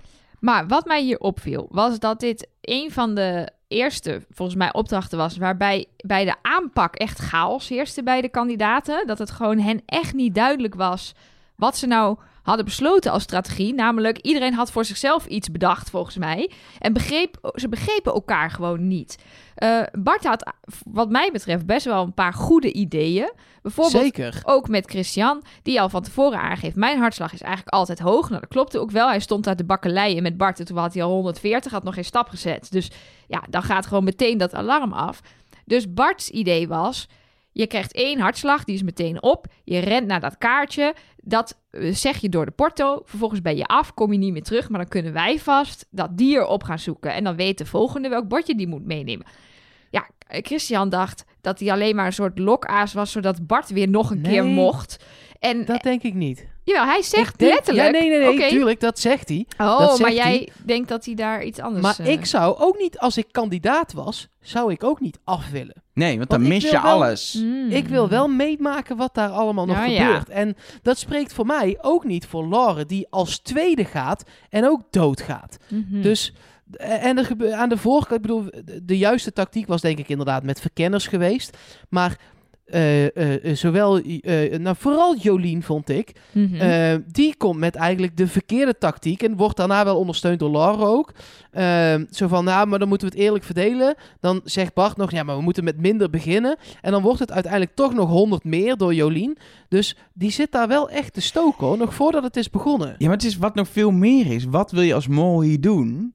Je wil zorgen dat mensen een hoge hartslag hebben. Je wil chaos, je wil spanning veroorzaken. Je wil conflicten creëren. En Jolien wordt op een gegeven moment zo ontzettend pissig als Selim terugkomt. Door de Mhm. eigen hartslag heel omhoog gaat. Maar bij iedereen begint in elkaar te schreeuwen. Ja, Al die zij hartslagen zit ook de gaan hele omhoog. tijd via de porto in iedereen's oor te Ze tetteren. wil op een gegeven moment Bart onderbreken om even iets te checken. Terwijl duidelijk was afgesproken en Bart niet onderbreken. Ze wil het gaan doen. En uiteindelijk doet ze het toch niet. Maar ze zit wel even met het idee, ik ga hem storen. Wat ze, wat ze wel heel slim doet, is op een hele, op het oog rustige manier tegen iemand praten. Maar als je op het oog heel rustig tegen iemand zegt dat je hartslag toch echt langzaam aan het oplopen is, 120, Ja, 121, 21, 122, Ja, dan dat word je niet op. helemaal lijp. Ja, want alsnog. Lars zegt op een gegeven moment ook... er gaat gewoon een alarmpje bij hen... zodra hun hartslag boven de 120 is. Dus die snauwt op een gegeven moment ook terug van... ja, ik, ik hoor het zelf. Wil je alsjeblieft ophouden met zeggen dat mijn hartslag hoog is? Ja, bij mij ging, Ja. ging dus ook een alarmpje tijdens het kijken. En dat was het Jolien-alarm. Ja. Ja, bij mij ook. Die is echt de meest verdachte in deze opdracht in mijn ogen. Maar wat ik ook... Samen toch ook wel met Alina hoor. Want Alina die roept eigenlijk al vanaf het begin. Ja, als je het niet redt, dan moet je gewoon even gaan stilstaan en rustig worden. En dat lijkt op het oog een hele goede tactiek. Maar dat proberen er daarna twee. En die, die, die- komen ook niet heel veel verder dan dat. Sorry, eh, ja, twee. Ja, wat, maar wat helemaal raar is, is... Kijk, Bart is een soort zenmeester... die daar met een hartslag van drie eh, door dat veld struint. Maar niemand deelt, tenminste hebben we niet gezien in beeld... tips met elkaar over hoe je je hartslag omlaag krijgt. Dus eh, Jolien doet bijvoorbeeld iets wat heel slim is, namelijk op je hurken naar beneden. Het is gewoon puur een, een, ehm, een eh, zwaartekracht dingetje. Hoe hoger je hart is, hoe harder die moet pompen om het bloed omhoog te krijgen. Dus als je gaat liggen, dan wordt je hartslag lager. Als je naar de grond gaat, wordt je hartslag lager. Waarom wordt worden dat soort dingen niet gedeeld? Wat doet Bart om zijn hartslag laag te krijgen? Er zijn allerlei truc, trucjes voor. Ik doe veel yoga en, en meditatie, dus ik weet ook hoe ik met mijn ademhaling mijn hartslag omlaag kan krijgen. Maar dat is iets, als je dat, als je dat weet, dan kan je dat toch aan anderen vertellen. Er is Zeker. geen enkel overleg. Laura die doet yoga, dat hebben we gehoord in deze aflevering. Alina studeert voor fysiotherapie. Dat zit natuurlijk veel meer in gewrichten en spieren. Maar dan weet je best wel veel over het lichaam en sport en allemaal dat soort dingen. Dus ik denk dat hij ook wel iets zou weten. Daardoor gewoon, ja, misschien doe ik nu allemaal aannames die kloppen. Maar over hartslag en conditie en hartslag omlaag. Ja, ik vond dat Ik wel weet niet, volgens mij is het, het is ook gewoon wel genetisch bepaald hoor. Zeker, zeker. Zeker. Ik heb een hele rare hartslag. Als ik gewoon op een stoel Ja, dat stil hoorde zit... ik laatst, ja. Dames en heren, Ja. Mark Versteden hoor. Mark Versteden, jawel.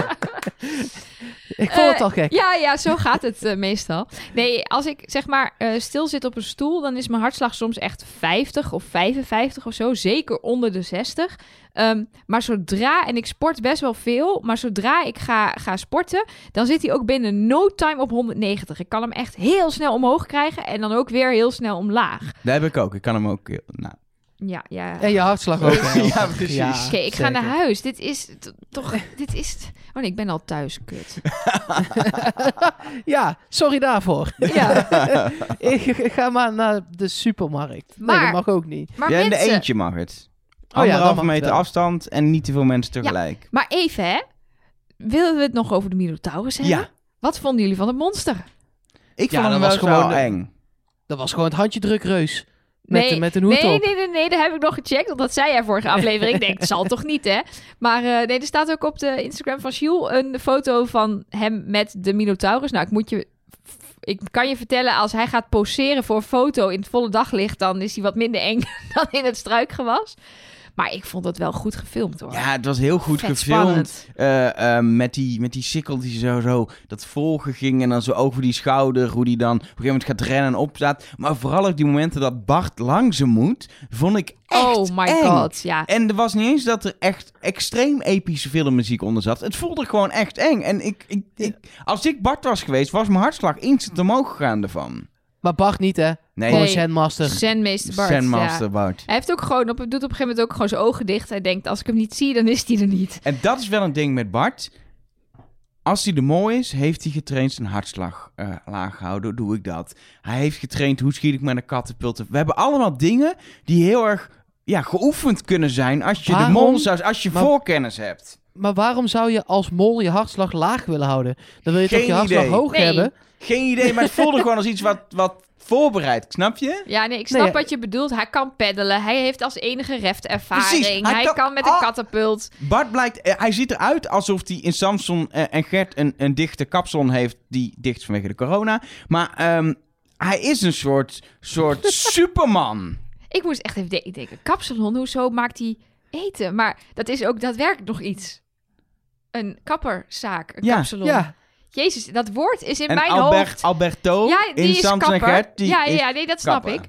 Nee, maar in en mijn... hij lijkt daarop. Hebben we, Ja, hebben dat, eh, eh, Hij lijkt Dat trouwens we ook ja. op Arturo uit El Casa de Papel. Voor de mensen die dat hebben gezien. Als je dat ook eenmaal... mm, niet gezien. Maar als je eenmaal die vergelijking hebt gezien, dan eh, Bart is gewoon niet zichzelf. Eh, maar onze, onze El Barto is wel de enige die hier even 1000 euro binnenharkt. Ja, en dat is, Is dan, dat te veel mm, voor een mol? Ja, dat is Ja. te veel voor een mol. Zeker als het iedereen niet lukt, dan kan jij falen. Ehm, je kan niet het verkeerde dingetje pakken.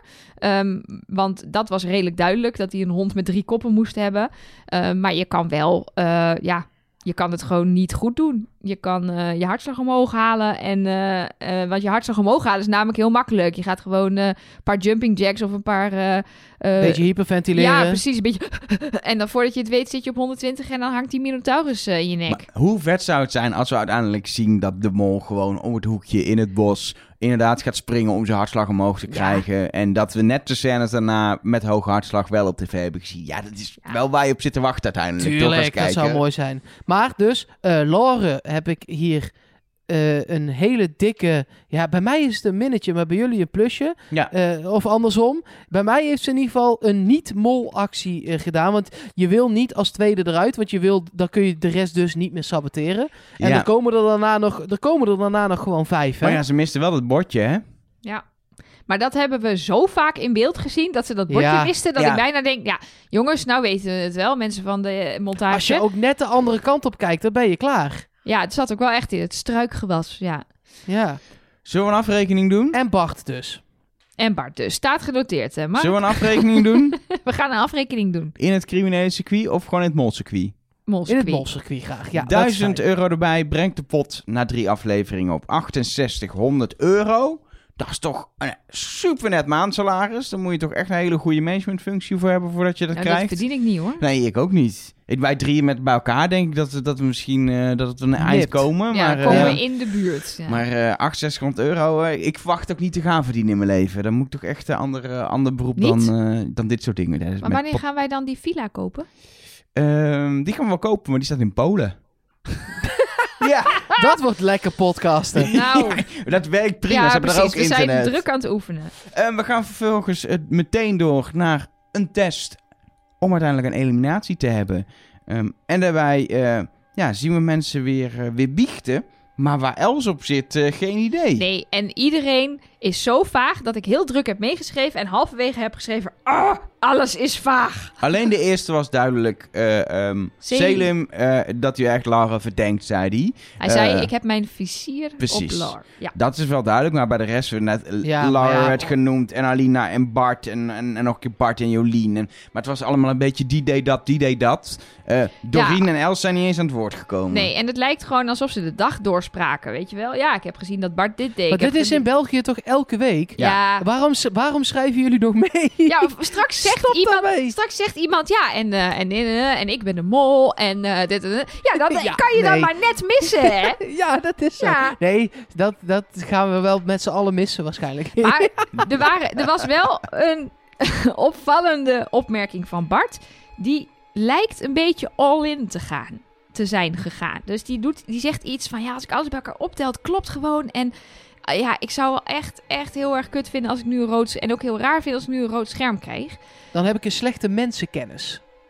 Dat Ja, zegt ja, hij. ja, dat is het. Ja, ja, precies, dat zegt hij. Ik En- vond dat dus een perfect opzetje eh, eh, voor dat Bart eruit zou gaan. Toen dacht ik, Ja, ik oh, ook. Ik ook. Ik dacht, oh, daar, daar, gaat hij. Dat Ja. zou ik jammer vinden. Waarom? Dat is toch, Bart is toch, die zorgt toch voor een beetje leven in die brouwerij. Nee, nee, en, nee, eh, nee. Ja. Oh, zo. Ja, nee, zeker. Ja, ja, Ja. ja. Nou ja, en toen gingen ze natuurlijk, ehm, en dan pak ik alvast heel even mijn alu hoedje erbij. Toen gingen ze natuurlijk mensen noemen. En de vorige twee keren was dat een soort van op alfabetische volgorde. En toen pakten ze het ook weer op waar ze gebleven waren, maar sloegen ze steeds één persoon over. Nou, volgens mij kan dat in de prullenbak, want eh Gilles begint gewoon bij Alina, dus bovenaan. Eh, daarna gaat hij naar Bart, maar vervolgens slaat hij Christian en Doreen over. En dan gaat hij naar Els. Dus ik weet niet meer wat ik hier in hemelsnaam uit moet halen. Ja, ik denk toch dat je moet gaan kijken naar wie er overgeslagen worden. Ja, maar waarom was het de vorige keer dan netjes, ging die verder in de rij en nu begint hij weer, weer bij bovenaan? Ik, Zou het kunnen dat het... dat- nou, omdat je anders niet uitkomt met wie je moet overslaan om daaruit te komen. Misschien. oh ja, Precies. ja oké. Het, het zou kunnen zijn dat... eh, eh, we hebben in de Nederlandse variant naar Morse puntjes gezocht, Mhm. bijvoorbeeld. Eh, om maar eens wat te noemen. Dat eh, twee mensen wel een streepje is en twee mensen niet een puntje. Of één iemand niet een puntje en twee mensen niet een streepje. Ik heb Ja, nu nog... moet ik dat allemaal idee. gaan uitzoeken? Nou, jij nee, maar jij ze- wil een aluhoedje. Ja, dat, is, ook wel weer zo. Ik wilde gaan zeggen, nee, dat hoeft niet. Maar eigenlijk heeft El gelijk. Ja. Dat moet je... Oké. Ja. Nou ja, in deze voor, stel het zou misschien zo kunnen zijn als je één iemand overslaat is het kort en als je twee mensen overslaat is het lang. Dan hebben we nu kort kort lang. We komen hierop terug, denk ik, naar de volgende aflevering. Maar nu moeten we even een momentje nemen voor Els. Het is toch een beetje alsof je moeder uit het programma vertrekt. Nou, ze lijkt ook sprekend op jouw Ja, moeder. Dat is het ergste Dat is nog. echt. Dat Dat is ik zo Ja. vaak had ik dacht ik, oh, ze lijkt echt een beetje op mijn moeder. Ja, ze lijkt echt Oh. op je moeder. Het is echt zeg maar, zijn moeder is zo'n ik zie mijn Brabantse. moeder niet meedoen aan dit programma, voor de Never, duidelijkheid. nooit maar, niet. Ehm, en jouw moeder is ook een jaartje of tien ouder. Dus eh, misschien is dat ook niet meer verstandig op de eh 65. Nou, dat is ook niet leuk voor 66. Els om te horen. Nee, de moeder van, van Elger is veel ouder. Dat is toch niet, Ja, dat is toch prima voor Els niet te... leuk voor, dat is dan niet leuk voor Els, toch? Dat ze op een tien jaar oudere vrouw lijkt. Oh, op die manier. Oh, ja, nee, maar het komt vooral door de bril en het grijze haar. En 15 jaar ouder, voor de duidelijkheid. Maar Ja. detail. Oei, Els. Ai. Ai. nee, maar eh, ja, de, de- die moeder van Elger is gewoon zo'n Tilburgse, Brabantse moeke. En dit was dan zo'n Vlaamse moeke, ja. Noem je mijn moeder nou een moeke? Ja. Vind ik echt niet kunnen. Mijn moeder is geen moeke, is mijn moeder. Ja, dat betekent... dat moek, moeke ja, maar betekent toch moeder? Nee, mijn, mijn moeder is niet een moeke. Mijn moeder is een moeder. Oké, oké, dit gaan we thuis even uit... Oh nee, we Nou, zijn al thuis. Laten we Ehm, deze discussie even heel langdradig maken. nee, we hebben maar... toch alle tijd. eh, eh, Twee dingen, vertel. twee dingen over Els. Ten eerste, ze had alles op één persoon gezet. Dit is gewoon mega dom. Moet je Zeker gewoon niet doen. nu. Aflevering 3, Els. Wat dacht je? Wat dacht je? Het is echt... Ik snap het gewoon echt niet. Ik snap nog dat je tunnelvisie kan krijgen... en dat je dan denkt... nou, ik denk toch echt 100% zeker dat die persoon het is. Maar je hoeft die test niet als beste te maken. Dus spreid altijd een beetje. Ah, maar goed. Dus doe dan 12 op eentje. Of Ja. misschien 13, maar echt niet meer. Nee. En vervolgens was ze ook echt wel... Ze was volgens mij echt uit het veld geslagen dat ze weg moest. Ik had echt wel medelijden met haar. Ze was zo timide ineens. En, Ik en- niet.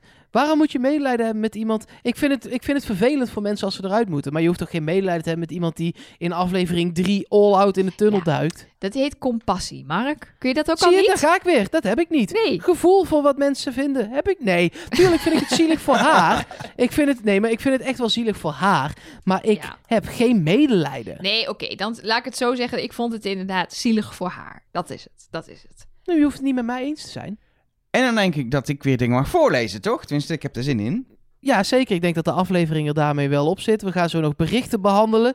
Ehm, en die berichten komen onder andere van onze patrons. Want je kunt ons vrijwillig steunen op eh, patreon.com slash trustnobody. Daarover gesproken, Mark. Wij kregen de vraag of er ook mensen zijn die ons niet vrijwillig steunen. Die dus gedwongen worden door ons. Misschien, daar kunnen we helaas geen uitspraak over doen. Ik gok zo'n 50%, toch? Als ik het zo een beetje bij elkaar optel. Ja, maar ik zeg dat er altijd maar bij, omdat er anders mensen gaan denken dat de podcast dadelijk niet meer gratis is. En die Ah. blijft gewoon gratis. Fijn. Dus vandaar dat het vrijwillig steunen is. En eh, dat kan via patreon.com slash trustnobody. En als je dat doet, dan eh, leest Elge van der Wel je naam voor. Doe ik helemaal vrijwillig trouwens, voor duidelijkheid. Ja, Ehm, niet helemaal goed. nee. Wel vrijwillig. Wel vrijwillig. Ehm, de eerste is eh, Janneke. Tandenvee. De Tandenvee steunt ons.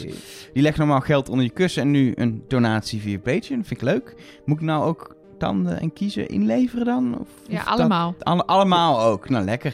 Eh, Janneke Verhees ook nog. En Sandra, dankjewel voor je steun.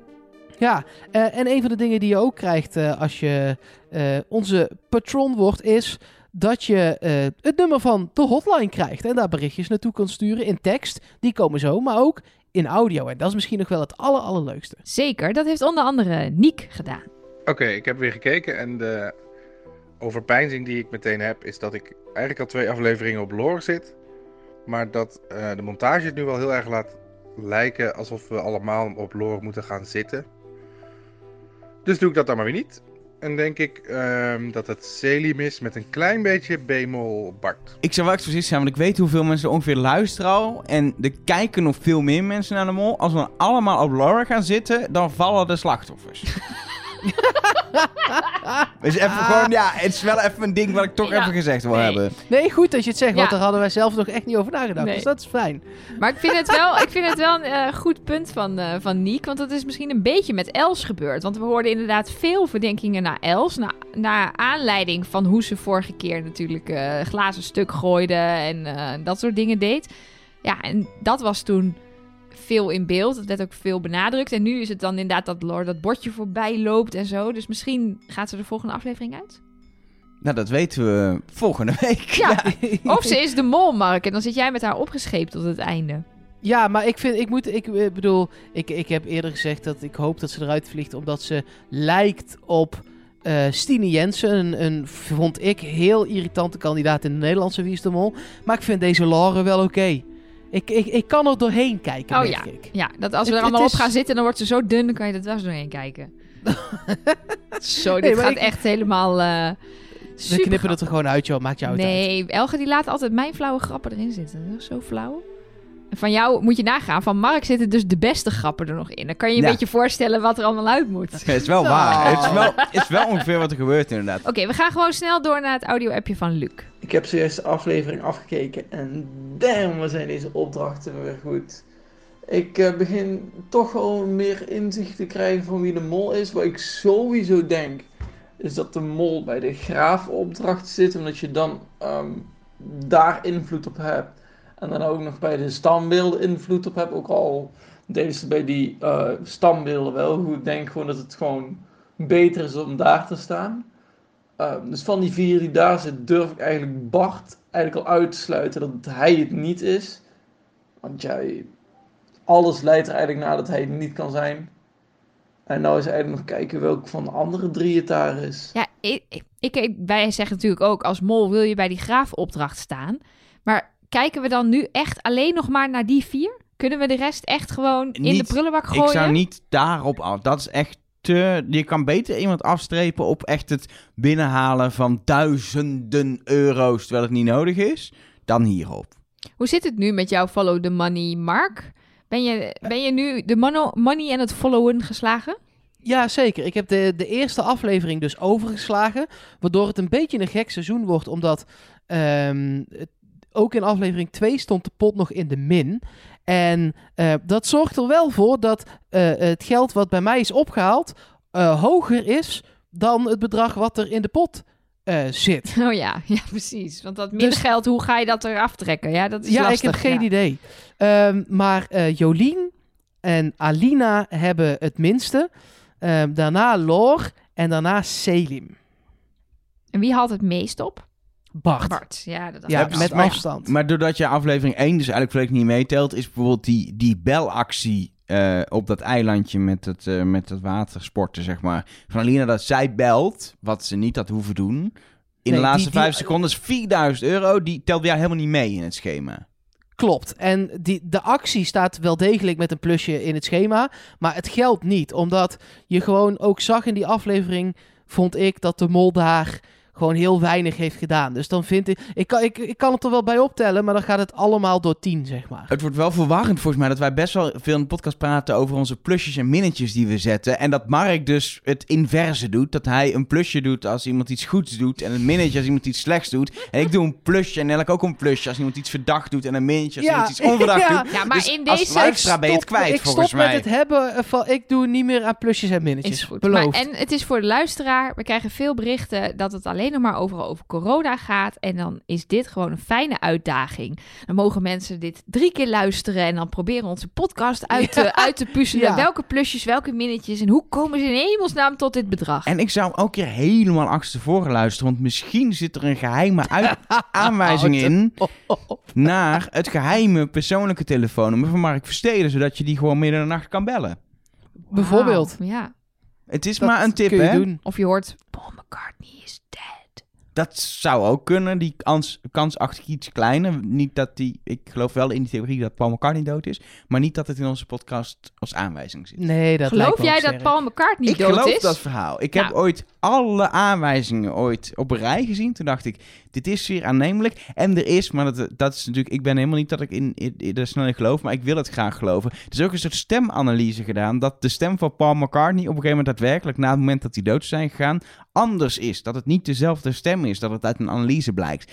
Waarschijnlijk klopt dat helemaal niet. Maar voor het verhaal is het heel ik goed. vind het lekker om te denken. Ik ben complotdenker, daarom hou ik ook zo van Wie is de Mol. Dus ik En het is, een lekker. onschuldig, het is een onschuldig complot om te geloven in dat Paul McCartney dood is. Anyway, Mark, heb jij nog berichtjes binnengekregen voordat we allerlei complottheorieën gaan bespreken Oh. met Nelke zometeen? Maar net zeggen, maar Ali Hoedje staat al op. Ja, zeker. Eh, eh, berichtje via de hotline, maar dan in tekst van Evelien. Eh, zegt, ik eh, ben nu aflevering 2 aan het luisteren. En ehm zij zat nog te denken, en ik vind het wel een interessante gedachte... of die verregaande gevolgen die bij de doos van Pandora zouden zijn geweest... als iemand hem had opengemaakt... ehm, dat dan de familie niet op bezoek zou komen. Hmm. Dus Eh, ja, Daar had ik nog niet aan gedacht. Nee. Aan de andere kant denk ik dat is wel iets wat je helemaal organiseert en regelt. Waar, waar waarschijnlijk ook een opdrachtcomponent in zit. Het is wel lastig om dat dan niet te doen. Het is wel een goeie hoor. Ik vind het een goeie. Alleen regeltechnisch vind ik het weer een lastige. Ja, want voor de, voor de nieuwe kijkers dit seizoen, in eh, de Vlaamse variant, zit altijd een familiebezoek. En dat klinkt heel suf, maar dat pakt meestal best wel leuk uit, want die familie is vaak een opdracht. Eh, die moeten ze dan bevrijden, of die zitten zelfs, hebben ze een keer in België gezeten, in, een- in een café in het dorpje Mollem of zo, waar ze dan dingen moesten doen. Nou, het is elke keer weer briljant. En vaak komt er van elke kandidaat die er dan nog in zit, dus één iemand langs. Ehm, en vorig jaar eh, was dat ook eh, een briljante opdracht met een, met een vliegtuig. Ik eh, bespaar je de details, ga het maar gewoon kijken als je het Een niet hebt gedaan. virtueel diner ook, uiteindelijk. Ja, dat is, Ja, was fantastisch. Was, oh, ik ben zo benieuwd ze dit jaar doen. Nou, dat zo wil ik nu dineren in coronatijd. Ik wil zo'n scherm. oh, Ik wil mijn familie aan tafel dat op die scherm manier. van vorig jaar, ja. Dat dinerscherm. Waar kunnen we dat bij, bij 4.be gewoon bestellen? Of wat, Nou, eh? ja, natuurlijk. Nee, naast die shirts, ze hebben zeg maar de shirts met je naam erop. en daaronder staat dinerscherm. Precies. Ja, top. Gaan we regelen. En dan wil Nelleke graag op die manier een diner met Shield de Koster. Ja, heel graag. Nog meer berichtjes. Tamara stuurt via Twitter. Zo'n avondje op stap is voor een mol vaak spannend. Dat hoorden we ook van Rob dit jaar. En in het enige shot van Selim dat we zagen, vond ik hem verdacht kalm, niet dansend, terwijl de rest aardig de bloemetjes buiten aan het zetten was. Hmm. Ja, dat, ehm, hier hebben we ook wel eens andere ehm, oud-mollen over gehoord. Bijvoorbeeld eh Gilles. Er is nog een Gilles. Gilles van Bouwel, die was ook ooit een mol. Ehm, Daarbij Die- kwam zijn moeder langs trouwens. ja, Leuk dat detail. was echt heel schattig. Maar goed, die eh, vertelde ook wel eens dat hij, dan, dat hij er zo zeker van was... dat hij ook dronken zich niet zou verspreken... omdat dit zo'n groot geheim is. Dat gebeurt gewoon niet. Gilles de Koster heeft dat ook wel eens gezegd. Ik maak me ook geen zorgen als jij me midden in de nacht wakker maakt... en je vraagt wie is de mol, dan zeg ik het gewoon niet. Dat zit er zo ingeramd. Dat Gilles van Bouwel dus best wel veel ging drinken... waardoor sommige mensen hem ook juist weer als mol hadden afgeschreven... omdat ze dachten, ja, als mol ga je natuurlijk niet doorzakken. Maar ja, ze gingen wel los inderdaad. Ik weet ook niet bij Selim bijvoorbeeld of hij, eh, of hij misschien eh, eh, islam moslim is en ja, niet drinkt. Dat zou gelooft kunnen. en ja. echt Volgens mij had hij wel om een niet te drinken. biertje in zijn hand. Maar We zouden even moeten checken bij die wijntafels die elke aflevering zitten, zou je toch Ja. moeten zien of eh Selim aan de wijn zit. Maar ik weet wel, je kan heel makkelijk, als andere mensen veel drinken, kan je heel makkelijk weinig drinken zonder dat andere mensen het doorhebben. Snap je wat ik bedoel? Als Nee. de rest dronken wordt en jij zit gewoon de hele tijd met één drankje en je zegt steeds, oh nee, ik heb nog, dan lijkt je lekker mee te doen, maar je drinkt heel weinig. Mark, Mark heeft wel eens met mij midden in de nacht in een kroeg gestaan. Niet heel vaak, maar het is wel eens gebeurd. Dan ben ik nuchter en dan merk je ook niet aan mij.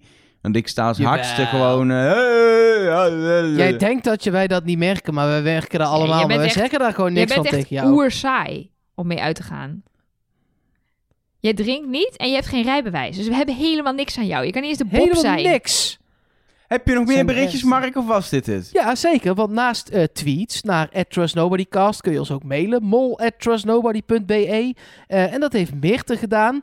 Ehm, en ehm, we kregen dit bericht wel vaker. We hebben het vorige week gehad over wat ze nou in eh, die tent allemaal aan het doen waren. Oh, dat haha. Eh, de- ha, ha, ha. Wij snapten er weinig van. Het is blijkbaar een ding dat ze op scoutings eh, doen en ook wel op cursussen. Het is een soort lachopdracht. Zij, Mirte, geeft zelf ook lach-yoga aan groepen. En het is een oefening die ze vaak met mensen heeft gedaan. En je moet maar eens googlen, zegt ze op head-on belly laughter. Eh, en probeer het zelf ook eens als corona niet meer heerst. Ik wou net Dus zeggen, dan- daar moeten we heel veel mee wachten. Maar ik ben nu wel benieuwd. Ik heb echt van heel veel mensen hier berichtjes over gekregen. En iedereen die het gedaan heeft zegt... Ja, het is echt onmogelijk om niet te lachen als iemand op jouw buik ligt. Als jij op iemands buik ligt en die persoon zegt ha. Dus ik ben heel dan zeg benieuwd. je vanzelf haha. En Nee, ja, dan moet je, dan moet je blijkbaar zelf ook lachen of zo. Ik weet het niet. Ja, maar, nou ja.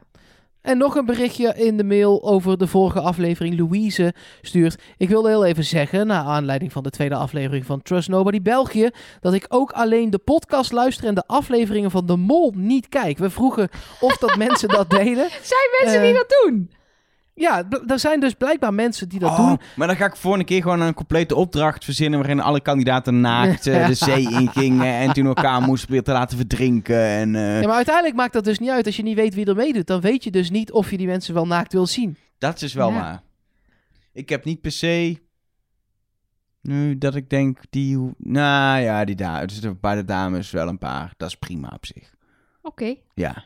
Ik ga hier ni- Staat niks over zeggen. Alina en Jolien, dat zou toch niet erg zijn om die naakt te zien, denk ik. Gok ik.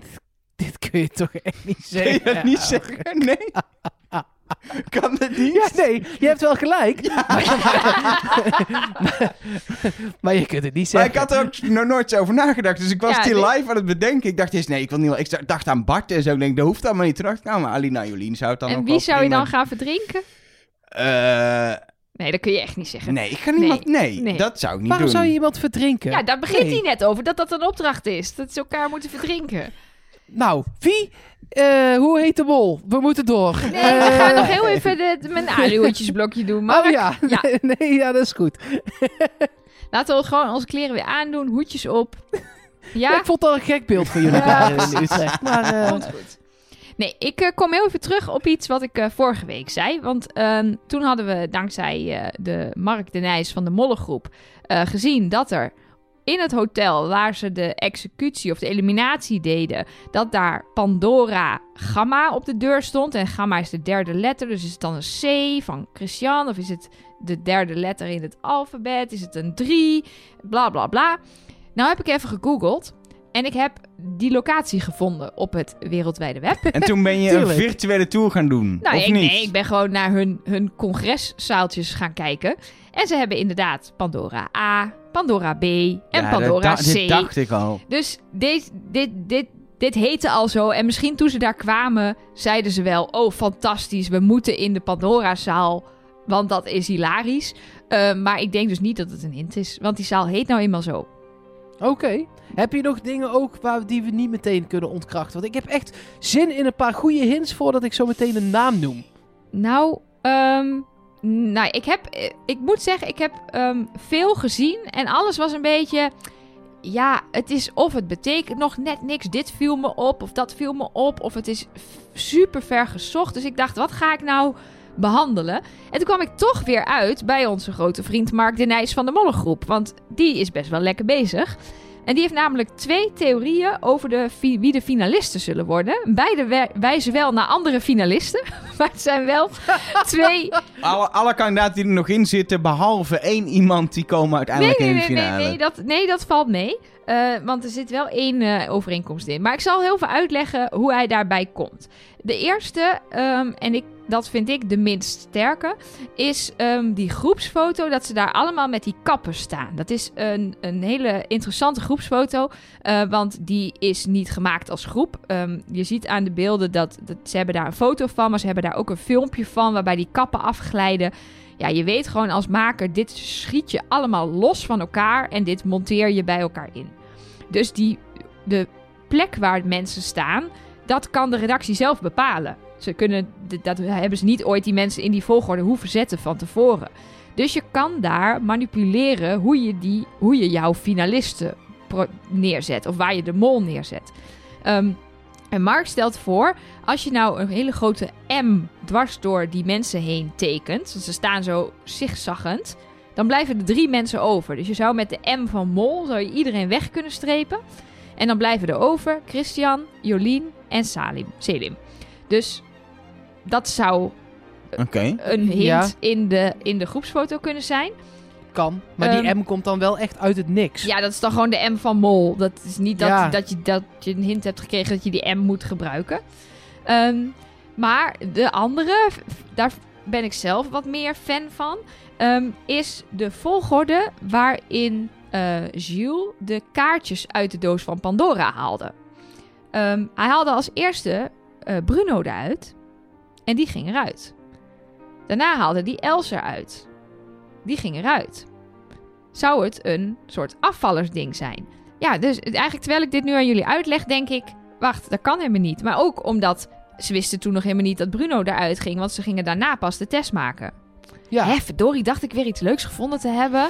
Sorry- helaas, sorry, Mark. Helaas. Heb je, Mark. heb je nog een andere eh, theorie die nou gewoon even zegt... Hupplepup is de mol? Nou, er is, er is eh, nog eentje die ik met jullie wil delen. Ehm, ook over de doos van Pandora. Ehm, ik had een screenshot gedeeld om, om de podcast op de social media te promoten van die doos. Terwijl die op dat eh, kampeerterrein onder zo'n tentje staat. En dan zie je, er zit een soort plusjestekening op. En één plusje is donkerder dan de rest. En Relinde stuurde ons dat eh, als je dan zeg maar de locatie van dat plusje op de kist vergelijkt met een groepsfoto, dan staat dat plusje op de plek van Lore. Dus als je zeg maar die, ja, want dat is ook een soort grid, die groepsfoto. Dus dat zou dan betekenen dat er een hele subtiele hint nog aan de buitenkant van de kist zit. Die verwijst naar Lore. Maar het is ook nog steeds niet dat ik denk, ja, dit is hem. Nee, Hoewel ik haar wel, ik verdenk, Nee. verdenk haar wel, maar toch ben ik niet helemaal overtuigd. Nee. Nou ja, laten we daarop doorgaan toch, Elger? Ik bedoel, eh, is het zover? Jij wil, jij wil het hebben over die ene vraag, hè? Ja, want ik ben echt heel benieuwd wat jullie denken. Hoe heet de mol? Wie, eh, wie doen als eerste, is dan de vraag. Nou, jij eh, hebt een nieuwe mol, daar ben ik wel heel benieuwd naar.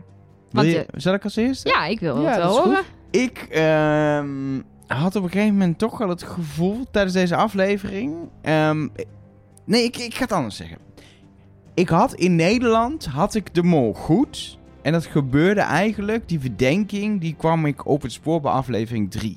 Weet je, dan heb je de kandidaten een beetje leren kennen. Dan weet je ook een beetje wie er heel verdacht zijn in beeld. Dus afleidingsmanoeuvre kunnen zijn. Nou, die gaan soms ook naar huis. Want Els was bijvoorbeeld op een gegeven moment heel verdacht en die gaat dan naar huis. Ehm, dus ik dacht, ik moet nu wel even heel scherp zijn. Echt letten op van die acties. En dat werkte bij mij in Nederland de afgelopen seizoen heel goed. Om echt letten op acties die gewoon heel erg modderig zijn. Maar niet super duidelijk in beeld, maar subtiel in beeld. En toen kwam ik eigenlijk vrij snel tot de conclusie dat ik, dat, ik, dat ik dat zie nu gebeuren bij zowel een beetje Alina als Jolien. Bij Alina heb ik ook al een paar acties gehad waarvan ik denk die zijn zo niet modderig en zo niet nodig ook om geld op te halen. Zeker in de eerste aflevering waar je over kan discussiëren omdat er pot in de min stond. Of dat niet gewoon kan om een beetje vertrouwen te winnen op dat moment. Ehm, maar daardoor vind ik dan Alina minder. Dus blijft Jolien over. Jolien is toch wel echt mijn hoofdverdachte. En ja, vorige keer begon ik al te twijfelen over Doreen. Maar dacht ik, zolang je niemand beters weet, blijf ik gewoon bij wie ik in aflevering 1 verdacht, Do Doreen. Maar inmiddels gaat Doreen zak nog veel verder weg. Die glijdt ongeveer van een, van een heuvel op een Grieks eiland af. En Jolien, die staat opeens boven op die rots voor mij. Dus dat Ja. is nu mijn Po- mol. Poëtisch verwoord. eh, Elger. Mooi, hè? Ja, heel mooi. Ik, ik eh, eh, zit een beetje in hetzelfde schuitje eh, als waar Elger in zit. Ehm, alleen het probleem is, en dat zei ik dus straks al, iedere kandidaat of mol die ik nu verdenk als mol, die heeft wel echt dingen gedaan waarvan ik denk, ja, dat hoeft niet. Selim zit twee keer eigenlijk op de verkeerde plek. Laure bemoeit zich bij die laatste Minotaurus opdracht eigenlijk helemaal niet met de walkie-talkie. En vervolgens gaat ze als tweede af. Ehm, Jolien heeft samen met Laure de doos van Pandora bewaakt. Ja. Midden in de nacht. Eh, Alina heeft inderdaad aan die bel getrokken, geld opgehaald. Ehm, en dat zijn wel de vier mensen die nog overblijven. Want ik heb Bart, Christian en Doreen inderdaad wel afgeschreven. En als je van die vier mensen kijkt dan nu wie ik het meest verdenk...